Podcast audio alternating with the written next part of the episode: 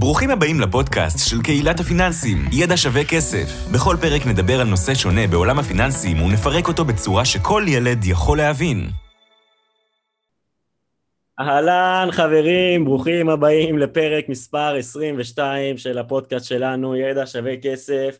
ערב טוב, שי בדיחי, מה קורה? מעולה, מעולה. אה, כרגיל, עוד פרק חדש בפודקאסט שלנו. כמו כל יום רביעי. תודה, תודה, מעולה. כמו כל יום רביעי אנחנו מוצאים פרק חדש, חברים. אה, מקווים שאתם אוהבים. אה, הנושא של הפרק היום זה, כמו שאתם בטח יכולים לראות בכותרת, זה למה שי החליט לקנות דירה להשקעה ולא למגורים. וזה לא נושא שאנחנו חשבנו עליו, אנחנו מודים, זה בהמשך ישיר לפרק מספר 15, ששם שי מספר, אני מראיין אותו, איך ולמה אה, הוא קנה את הדירה הראשונה שלו, אה, אה, בסופו של דבר זה היה להשקעה, אבל איך ולמה הוא קנה את הדירה הראשונה שלו. אה, שי מספר שם על התהליך, בהתחלה זה היה אמור להיות דירה אה, למגורים, ואז אה, היה שם איזה שיפט מסוים, והוא מספר על כל התהליך. מי שלא האזין לפרק, אז אה, קדימה, פרק 15, לחזור קצת אחורה. אה, ואמרתי שהרעיון על הפרק הזה הוא לא היה שלנו, אה, בגלל שכשפרסמנו את הפרק, אז אה, נתן דרורי, אה, היי נתן, אני מקווה שאתה מאזין, אה, פנה אלינו בפייסבוק, אה, ממש בתגובות לפרק, הוא אמר שהיה אחלה פרק, אז תודה נתן, אה, והוא ביקש שנרחיב, ואני מצטט, למה הוא, שי, בחר ללכת דווקא על דירה להשקעה ולא למגורים, ואיך פרקטית מקבלים החלטה מה הדבר הנכון יותר כלכלית. אז אה, על זה אנחנו הולכים לענות בפרק הזה, שי יספר וירחיב טיפה אה, על הבחירה שלו ועל ההחלטה שלו, אה, אבל לפני ששי הולך לעשות את זה, אני מבקש מכם חברים, אה, כמו שאתם רואים, אה, במקרה הזה העלינו את נתן, נתן דרורי, אה, שביקש, אנחנו באמת אה, עושים ומקליטים פרקים ונותנים אה, כל מה שאתם רוצים, פשוט דברו איתנו, מוזמנים לפנות אלינו בדף הרשמי אה, בפייסבוק, ידע אה, שווה כסף מקף, הדף הרשמי, אה, תפנו אלינו, דברו איתנו, שלחו לנו הודעות, תגידו, תקשיבו, אני רוצה שתדברו על הנושא הזה, על שוק ההון, על נדל"ן, בחו"ל, בארץ, פנסיה, הלוואות חברתיות, לא משנה מה, אנחנו נגיע לדברים, לדברים האלה בסופו של דבר כמובן, אבל אם יש נושא ספציפי, משהו כזה שאתם חושבים שנדבר עליו, דברו איתנו, אנחנו בכיף נשמח להקדיש לכם אפילו פרק שלם. אמ, אז יאללה שי, נראה לי שאכלתי להם את הראש מספיק עם ההקדמה. אה, דבר למאזינים, ספר לנו למה אה, החלטת בסוף ללכת לדירה להשקעה אה, ולא דירה למגורים. אוקיי, מעולה. אז כמו כל אדם שנמצא איפשהו בדרך בחיים, יש את השלב הזה שעושים לימודים או לא עושים לימודים, במקרה שלי למדתי באוניברסיטה, ספציפית גם בבן גוריון בבאר שבע, אה, ואחר כך אה, מתחילים לעבוד, מתחתנים, באיזשהו שלב מגיע השלב שקונים דירה. אז באותו שלב שבאתי לקנות דירה, אה, זה סיפרנו בפרק הקודם, הייתי אמור לקנות דירה למגורים בראש העין, כי שם זה התקציב שיכולתי לעמוד בו. הקבלן פשט את הרגל, קצת מזכיר למי שלא שמע או לא זוכר, ו... החלטתי לעשות חישוב מסלול מחדש. באותה תקופה היו המון קולות שהיו לי ככה מסביב לראש, כל מיני טיעונים מהסביבה. זאת אומרת, אני, אה, לפני שנדבר על הטיעונים, אני לאט לאט התחלתי להיחשף לכל מיני תכנים, בדיוק כמו שאתם נחשפים לתכנים שלנו. התחלתי להיחשף לכל מיני תכנים שאומרים שלקנות דירה למגורים זה לא כלכלי. אז שאלתי את עצמי, מי, מי אומר? למה זה לא כלכלי? מה לא כלכלי בזה? נראה לי מאוד כלכלי. ואז התחלתי לחקור את זה, התחלתי לנסות לחשוב, לחשוב עם עצמי, אה, האם כדאי לקנות פתאום דירה למגורים, משהו ערער אותי, משהו ערער לי את הביטחון, והתחלתי לעשות כל מיני חישובים. אבל כשהתחלתי אה, לעשות את השינוי זה הייתי מה שנקרא נגד הזרם, נגד הסביבה הקרובה, נגד הקולות הפנימיים, נגד מה שלא יודע להגיד אם חונכתי עליו, אבל מה שקיבלתי מהסביבה. ועלו הרבה טיעונים. אחד הטיעונים הכי מרכזיים שעלו זה שאם אני דווקא אמשיך לגור בשכירות, את התקופה גרתי בשכירות, ולא אקנה דירה למגורים, אז אני זורק את הכסף לפח. הכסף שהולך לשכירות כל חודש, הוא הולך לפח. אז קודם כל זה, סליחה שאני אומר, זה שטות גמורה, אוקיי? זה שטות גמורה, עוד מעט אני אנסה להרחיב למה. אמ, אבל באותה תקופה שאמרו לי את זה, אני האמנתי בזה. זה נשמע לי הגיוני. אז שנייה, אני עוצר אותך לפני שאתה מסביר למה. אני, בנקודה הזאת, בקטע של, כמו שאתה אומר, קיבלת ריג'קטים מהסביבה, ו- וקיבלת מה שנקרא מאנשים, למה אתה עושה ככה, אל תעשה ככה, ובמקרה הזה אל תזרוק את הכסף שלך לפח, לשכר דירה, אז, אה, אז אני, אני, חשוב לי להגיד, במיוחד מי שיחסית בתחילת הדרך ועדיין יחסית לא בטוח בעצמו ולא זה, ו, והרבה פעמים הולך ושומע ומתייעץ עם חברים ועם אנשים קרובים, זה לא דבר רע, זה לא בהכרח דבר רע להתייעץ עם הסביבה הקרובה, אבל קחו בחשבון עם מי אתם מדברים. כלומר, אם בסופו של דבר האדם הזה, ויכול להיות שהוא אדם קרוב, אני לא רוצה להגיד אם זה אבא, אמא, חבר קרוב, דוד, לא משנה, כל אחד והאנשים שזה, יכול להיות שהוא בן אדם קרוב שמאוד אכפת לו מכם, ו- וסביר להניח שמאוד אכפת לו מכם והוא רוצה לטובתכם, אבל בסופו של דבר, אם הוא בעצמו אה, לא מבין בזה, אוקיי? אה, ואולי הוא לא מודל לחיקוי בנושא הכלכלי, בנושא, בנושא הפיננסי, אוקיי? יכול להיות שהוא מודל לחיקוי בהמון המון דברים אחרים והוא בן אדם טוב, ואני שם את זה שנייה בצד. אני מדבר נטו על הקטע הפיננסי.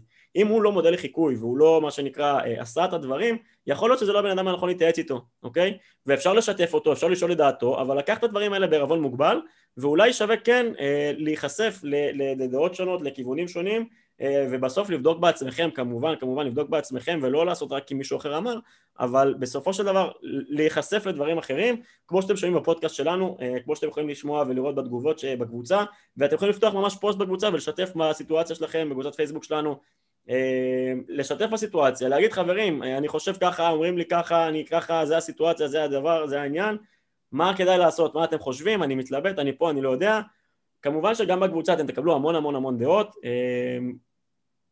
קחו מה שאתם רוצים משם, אבל בסופו של דבר, אני, מה שאני בא להגיד, הסביבה הקרובה שלנו בשורה התחתונה לא תמיד יודעת אה, מה נכון עבורנו, הם כנראה ירצו מאוד לעזור לנו, אבל לא תמיד הם, יהיה להם את, ה, את, ה, את העצה הטובה לתת לנו, את העצה הנכונה.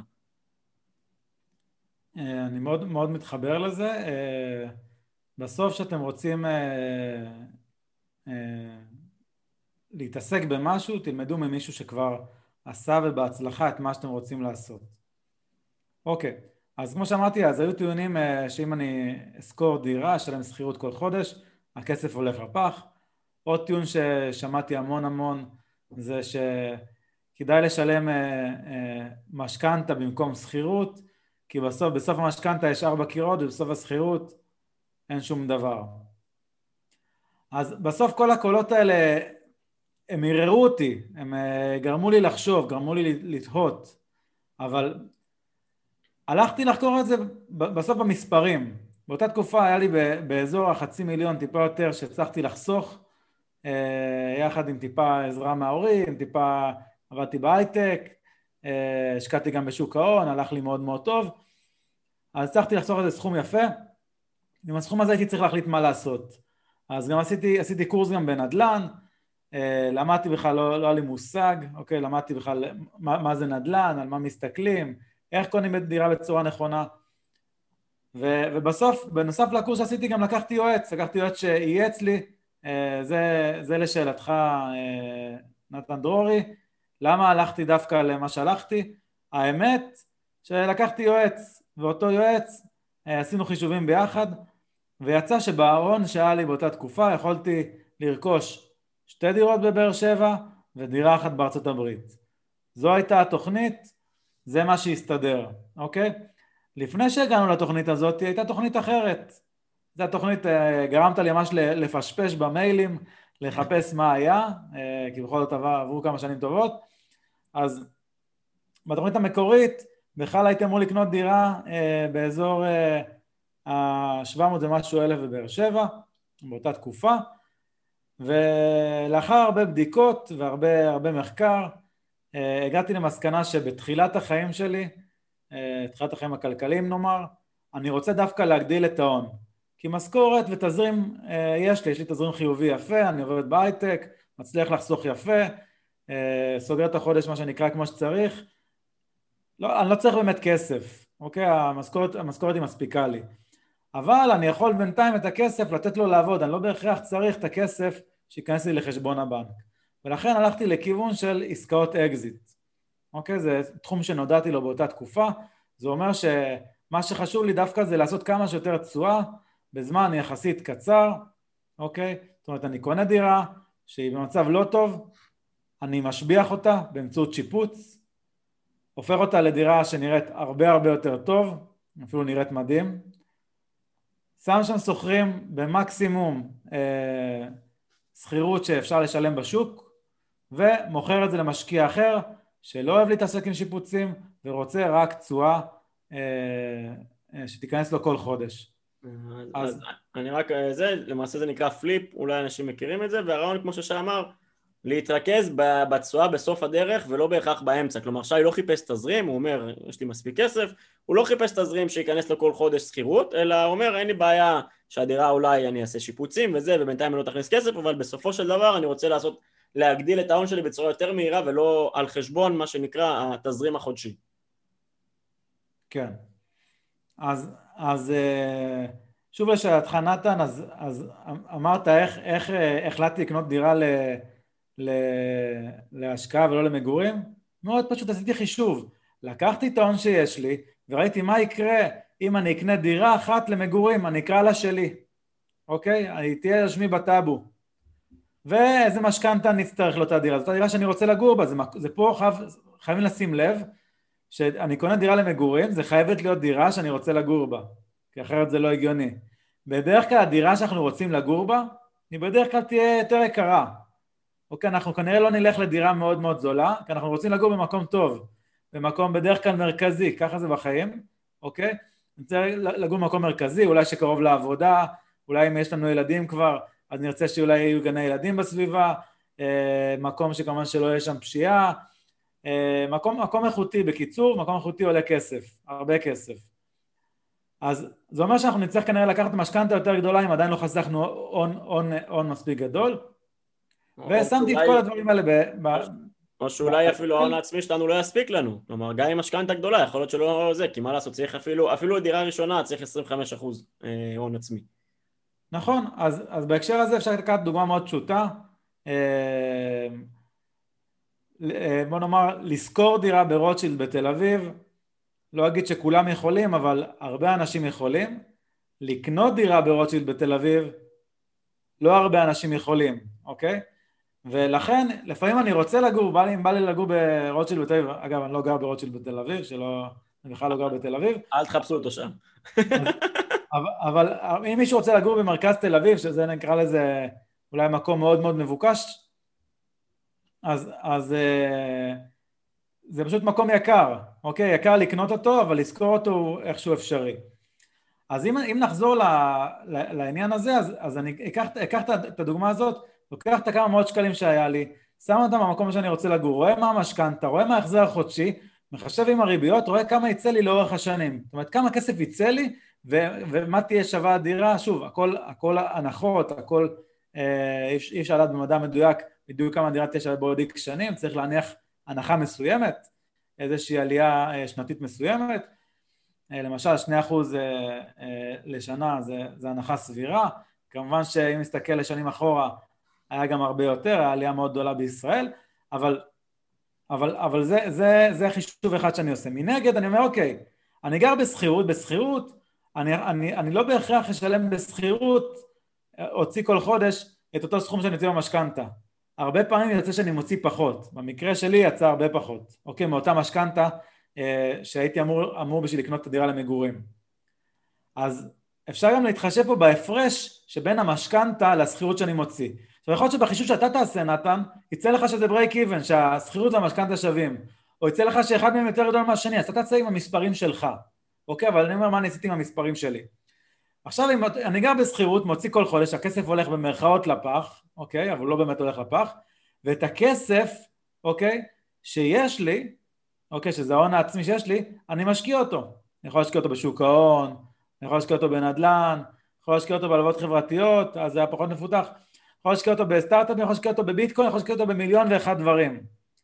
אני החלטתי עם, עם, עם אותו הון שהיה לי לקנות שתי דירות בבאר שבע למטרת אקזיט כדי להגדיל את ההון, כי אני לא צריך תזרים, ו, ולהיחשף טיפה לשוק האמריקאי, כי רציתי להיות חשוף לדולר ורציתי עדיין ל, לרכב על הגל הזה שבארצות הברית אה, נכסים עולים ב, במהירות מאוד מאוד גדולה, אוקיי?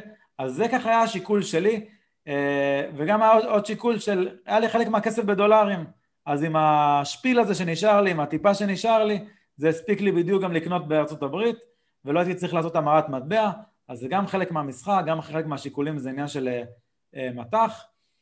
אז זה ככה השיקול שלי למה אני החלטתי לקנות ספציפית שתי דירות בבאר שבע למטרת אקזיט, כי אני לא צריך את הכסף, ומבחינת מטח להשקיע בנדל"ן בארצות הברית. מאז כמובן מאוד מאוד התפתחתי, עשיתי עוד המון המון פעולות, רכשתי עוד הרבה דברים, אבל ככה אני התחלתי, זה היה השיקול הראשוני שלי. אז, אז בין, בדיוק בנקודות האלה, שתי נקודות שחשוב לי לדבר עליהן, אה, שאולי, כאילו, אתה, אתה אומר, ובצדק הסביבה הקרובה הרבה פעמים אומרת, אה, לא בצדק, אבל סליחה, מה שאני בא להגיד, שזה הרבה פעמים באמת הסביבה הקרובה אומרת, אה, אם אתה ממשיך לשכור דירה, אז תזרוק את הכסף לפח ודברים כאלה, אז, או שאם אתה עדיף כבר לשלם משכנתה במקום שכירות, כמו שאתה אומר, כי בסוף יישארו לך ארבע קירות. אז אתה אומר שאתה לקחת את הכסף והשקעת אותו, ואנשים, ש... אבל אנשים לא מבינים ש... אם אתה רוכש דירה למגורים, ואני מדגיש למגורים ולא להשקעה, הכסף פשוט שוכב בקירות והוא לא באמת מושקע, כלומר הכסף שוכב בקירות ולא עושה עוד כסף. אה, ובמיוחד לזוג צעיר, אה, שבתחילת החיים הפיננסיים שלו, ואני מניח שיש לו ילד או יש לו ילד בדרך, או שניים כבר, אה, ובשורה התחתונה כנראה שקשה להם לחסוך בשלב הזה בחיים סכומים מאוד משמעותיים, שיוכלו לקדם אותם כלכלית קדימה, אז אם הם לוקחים את כל ההון העצמי שלהם, אה, ומה שנקרא קוברים אותו בקירות ועל זה הם מכניסים עוד התחייבות של משכנתה ל-25 שנה שחונקת אותם אה, וחונקת אותם גם כנראה קדימה כי בסופו של דבר אה, יכול להיות שגם הריביות של משכנתה מתישהו יעלו מספיק שההוצאות יעלו כי יהיה עוד ילדים או דברים כאלה אז בשורה התחתונה צריך להבין שאומנם אנחנו כביכול לא זורקים כסף לפח על, על שכירות אבל אנחנו מאבדים תשואה פוטנציאלית, אוקיי? תשואה פוטנציאלית שהכסף שלנו שוכב בקירות אה, במקום שהוא ישכב בקירות אנחנו יכולים לשים אותו במקום אחר, אני לא, לא נכנס כרגע אם זה לנדל"ן או לשוק ההון, נדל"ן בחו"ל או הלוואות חברתיות, אבל הוא יכול להיות במקום אחר ולעשות כסף, אוקיי? וזו נקודה שמאוד מאוד חשוב להבין אותה אה, ברמה, ברמת ההיגיון, אה, כלומר אם לא מסתדר לכם כזה מה אבל אני זורק כסף לפח אז אני מראה לכם איך, איך אתם לא זורקים כסף לפח כי אם סתם אני אומר שי היה לו לא יודע מה חצי מיליון שקל בסדר?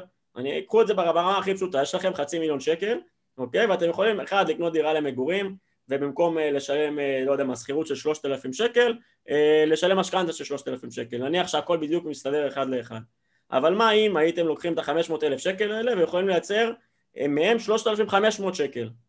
בסדר? סתם, דוגמה. עזבו רגע, אני לא, אפילו לא, לא יודע מה, מבחינת תשואה, כמה, כמה אחוז תשואה זה יוצא, ואם זה הגיוני או לא, אבל בשורה התחתונה, זה אומר שאתם מכניסים 3,500 שקל, אתם יכולים לקחת מהכסף הזה 3,000 שקל כל חודש לסגור במרכאות אה, אה, אה, את השכירות ויצרתם תזרים חיובי של 500 שקל בחודש, אוקיי?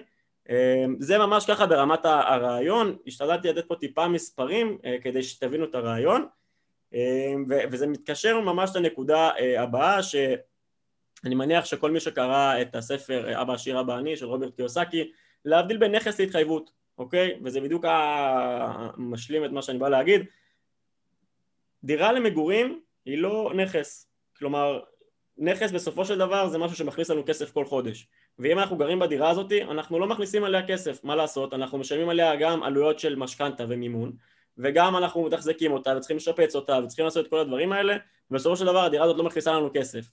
אז היא לא נכס, היא התחייבות. להבדיל מהשקעה אחרת אה, שאמורה להכניס לנו כסף בסופו של דבר, אה, אם זה נדל"ן, אז אם זה דירה להשקעה, אז היא פשוט מכניסה לנו כסף.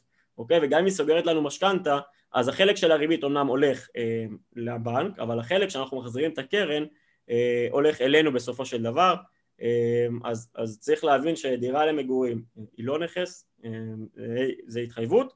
אה, רגע, רק לחדד, זה... מגור... מגורים היא כן נכס, פשוט לפי רוברט קיוסקי בספר. כן, אה, כן. ככה כן. הוא מציג את הדברים, כן, שלא מישהו פה יתבלבל או משהו, זה רק לפי ה... התיאוריה של אה, רוברט קיוסקי בספר הבא שירה ואני. כן, זה, זה פשוט דרך להסתכל על הדברים האלה. זאת אומרת, אה, בסופו של דבר, אני, אני די אוהב את ההגבלה הזאת. עכשיו יגידו אנשים, תבוא ותגיד לי, כן, אבל הדירה שלי עלתה ממחיר X למחיר Y. אה, שזה נכון, אני לא אתווכח, מחיר הדירה עלה, אוקיי, מגניב, מעולה, השאלה מה אתה עושה עם הדבר הזה. אם אתה הולך וקונה דירה אחרת, אז בפועל, כאילו, גם הדירה האחרת, כנראה המחיר שלה עלה באותה, באותו, פחות או יותר באותה רמה. סבבה? אמ, אז, אז, אז, אז, ואז השאלה אם באמת הרווחת, כלומר, האם באמת, כאילו, אם, אם בסופו של דבר גם הדירה השנייה שעלית, שקנית, עלתה באותה, באותה רמה, אז מה זה משנה? כלומר, אין באמת הבדל. אז, אז זה איזושהי דרך מסוימת להסתכל על הדברים ולהבין שזה לא שחור ולבן. מי שאומר לכם, אני זורק, אתה זורק את הכסף לפח על שכירות, דברים כאלה, זה לא בהכרח נכון. אוקיי, עכשיו אה, נשאלה שאלה למה הלכתי דווקא לבאר שבע, אז הסיבה מאוד פשוטה. אה, א' בבאר שבע גרתי ארבע שנים אה, בתור סטודנט, גם אני גרתי, גם, גם, גם אשתי גרה, גם חברים גרו, אז הכרתי את הרחובות מאוד מאוד טוב. לא יכלו לחרטט אותי, להגיד לי זה רחוב יותר טוב, פחות טוב. הכרתי את הסביבה, היה לי מאוד קל להסתובב שם, לסייר שם. זה, זה, זה הדבר הראשון, אוקיי? ממש גרתי שם. הדבר, הדבר השני, אה, פגשתי המון אנשים שמשקיעים שם והתחלתי להתעניין שם, אוקיי? התחלתי להתעניין שם ופגשתי המון, אה, היום חלקם כבר אה, אנשים מאוד מוכרים, אבל אה, פגשתי, פגשתי המון אנשים שמשקיעים ומכירים שם מאוד טוב והתחברתי איתם והצלחתי להוציא מהם מידע אה, שעזר לי לקבל החלטות מאוד מאוד מהר.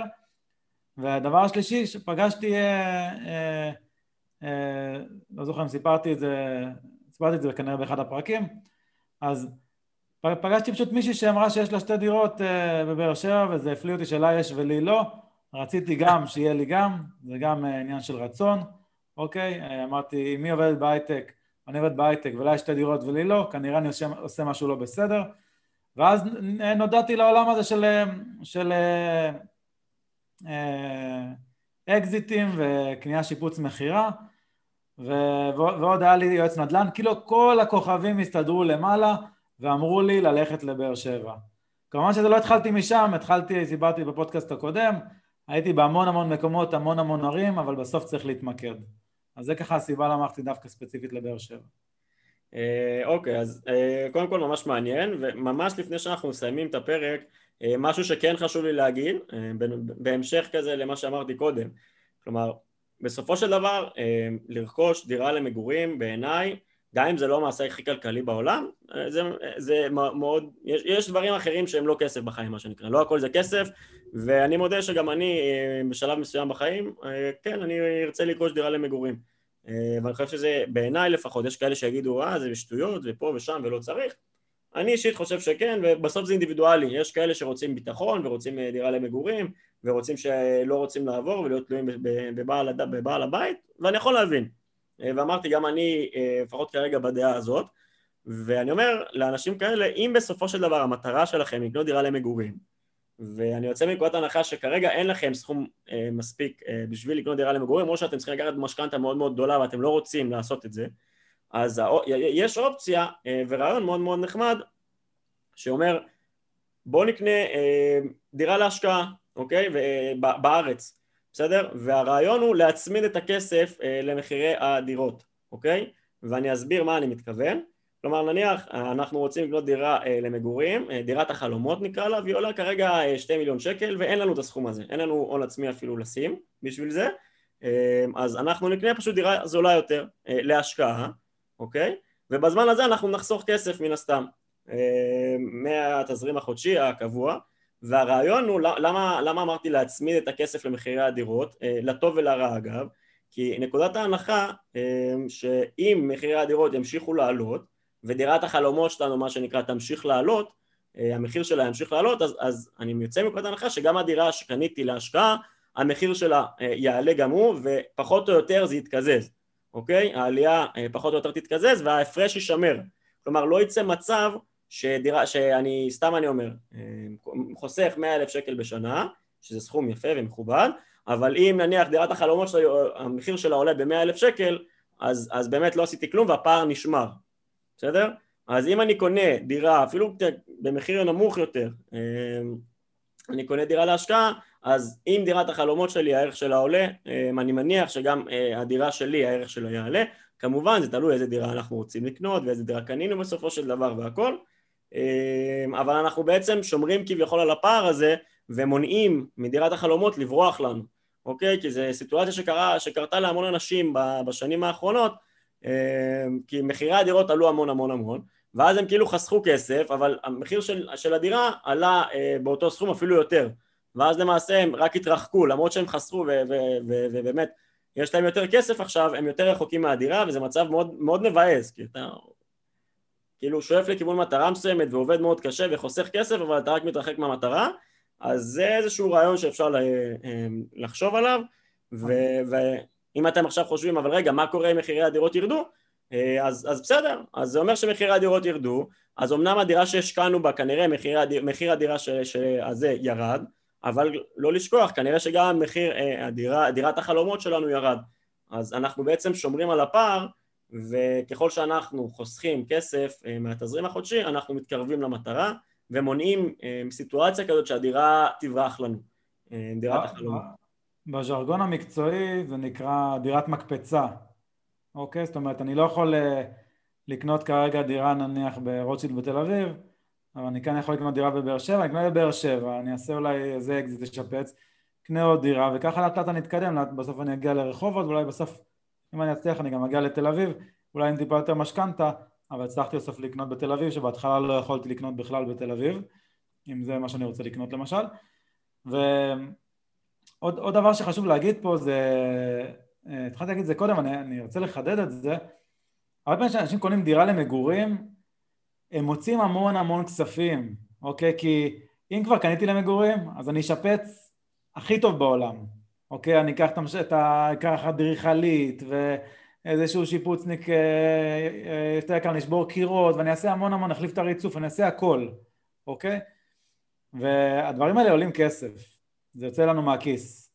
אם אנחנו לדירת החלומות ועוד משפצים ומרחיבים וזה אינסופי, זאת אומרת התקרה פה אה, של, של ההוצאות יכולה להיות מאוד מאוד גדולה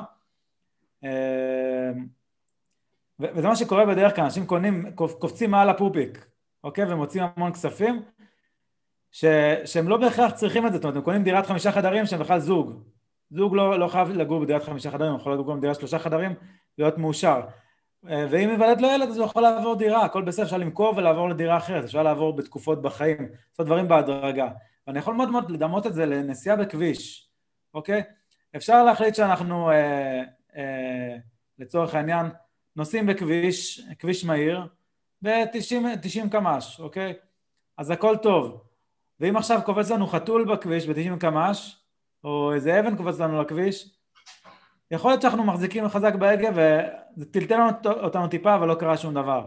אבל אם אנחנו אה, לקחנו יותר סיכון, נסענו ב-120 קמ"ש, אותה אבן קטנה יכולה כבר לגרום לנו להסיט את ההגה לנתיב, לנתיב משמאלנו ואולי לפגוע במישהו. וב-200 קמ"ש כנראה שאנחנו כבר נתהפך, אוקיי? ורוב הסיכויים שלא נשרוד את זה אפילו. אז אם אתם ישר קופצים, קופצים וקונים דירת החלומות שלכם בגיל מאוד מאוד צעיר ולוקחים משכנתה מטורפת שהיא מעבר ליכולת שלכם, מספיק פיטורין, מספיק מחלה, מספיק קורה למשהו לבן או בת הזוג והלך לכם קפוט, אוקיי? אבל אם אתם קונים דירה קטנה, אוקיי? להשקעה, שאתם יכולים לעמוד בה, אוקיי? וגם אם יקרה אותו מקרה שקרה, שקרה לכם, אז הסיכון הרבה יותר נמוך, אתם כנראה אולי תצליחו לצאת מזה, וגם להשקעה אז אולי גם קיבלתם שכירות כנגד, אפילו אולי תעזור לכם. אז זה ככה עוד, עוד שיקול למה לקנות אה, אה, דירה ל, ל, להשקעה ולא למגורים, לפחות בתחילת הדרך, כשתצברו מספיק הון, תוכלו כבר לקנות את הדירה שאתם רוצים, אה, אולי אפילו בלי משכנתה. אה, כן, אני לא יודע אם זה חכם בלי משכנתה, אבל, אה, אבל השאלה כמה כסף יש. אבל נשאיר את זה אולי לפרק הבא. אה, אז נראה לי שאנחנו נסיים בזה חברים. אז תודה רבה שי, ששיתפת אותי ואת שאר המאזינים למה בחרת בסוף דירה למגורים, סליחה, להשקעה ולא למגורים, כן? אז נתן, אני מקווה שענינו לך על התשובה, על השאלה, סליחה. שורה תחתונה חברים, אתם רוצים לעקוב אחרינו, אני אמרתי, דברו איתנו חופשי, אנחנו בכיף מאזינים אה, ומקשיבים לכם ונעשה פרקים בהתאם למה שאתם מבקשים, אז דברו איתנו באמת באמת בכיף, באהבה ובשמחה. אנחנו מקבלים המון המון המון המון תגובות, באמת, בזמן האחרון על הפודקאסט וכמה הוא עוזר וכמה אנשים עשו והתחילו לפעול ואוהבים, אז אנחנו ממש ממש ממש רוצים להגיד לכם תודה, תודה רבה חברים, באמת תודה רבה, לא מובן מאליו. תמשיכו להפיץ את הפודקאסט, לשלוח לחברים שלכם, אה, תמשיכו לעקוב אחרינו גם באתר המטורף שלנו, שיש שם המון המון ידע ששווה כסף, בקבוצת הפייסבוק, אה, בטלגרם ובכל מקום שאנחנו נמצאים בו חברים. תודה רבה. אני רוצה להוסיף משפט לסיכום, שזה בעצם המוטו שאני רוצה שתקבלו מה, מהפרק הזה, זה תזכרו איפה שאתם רוצים, איפה שאתם רוצים לגור תזכרו, ותקנו איפה שאתם יכולים. ככה אתם גם חיים בדירת החלומות שלכם, וגם לא לוקחים סיכונים מיותרים. יאללה, נראה לי זה מסכם את הפרק. אז חברים, תודה רבה, נתראה בפרקים הבאים. ביי.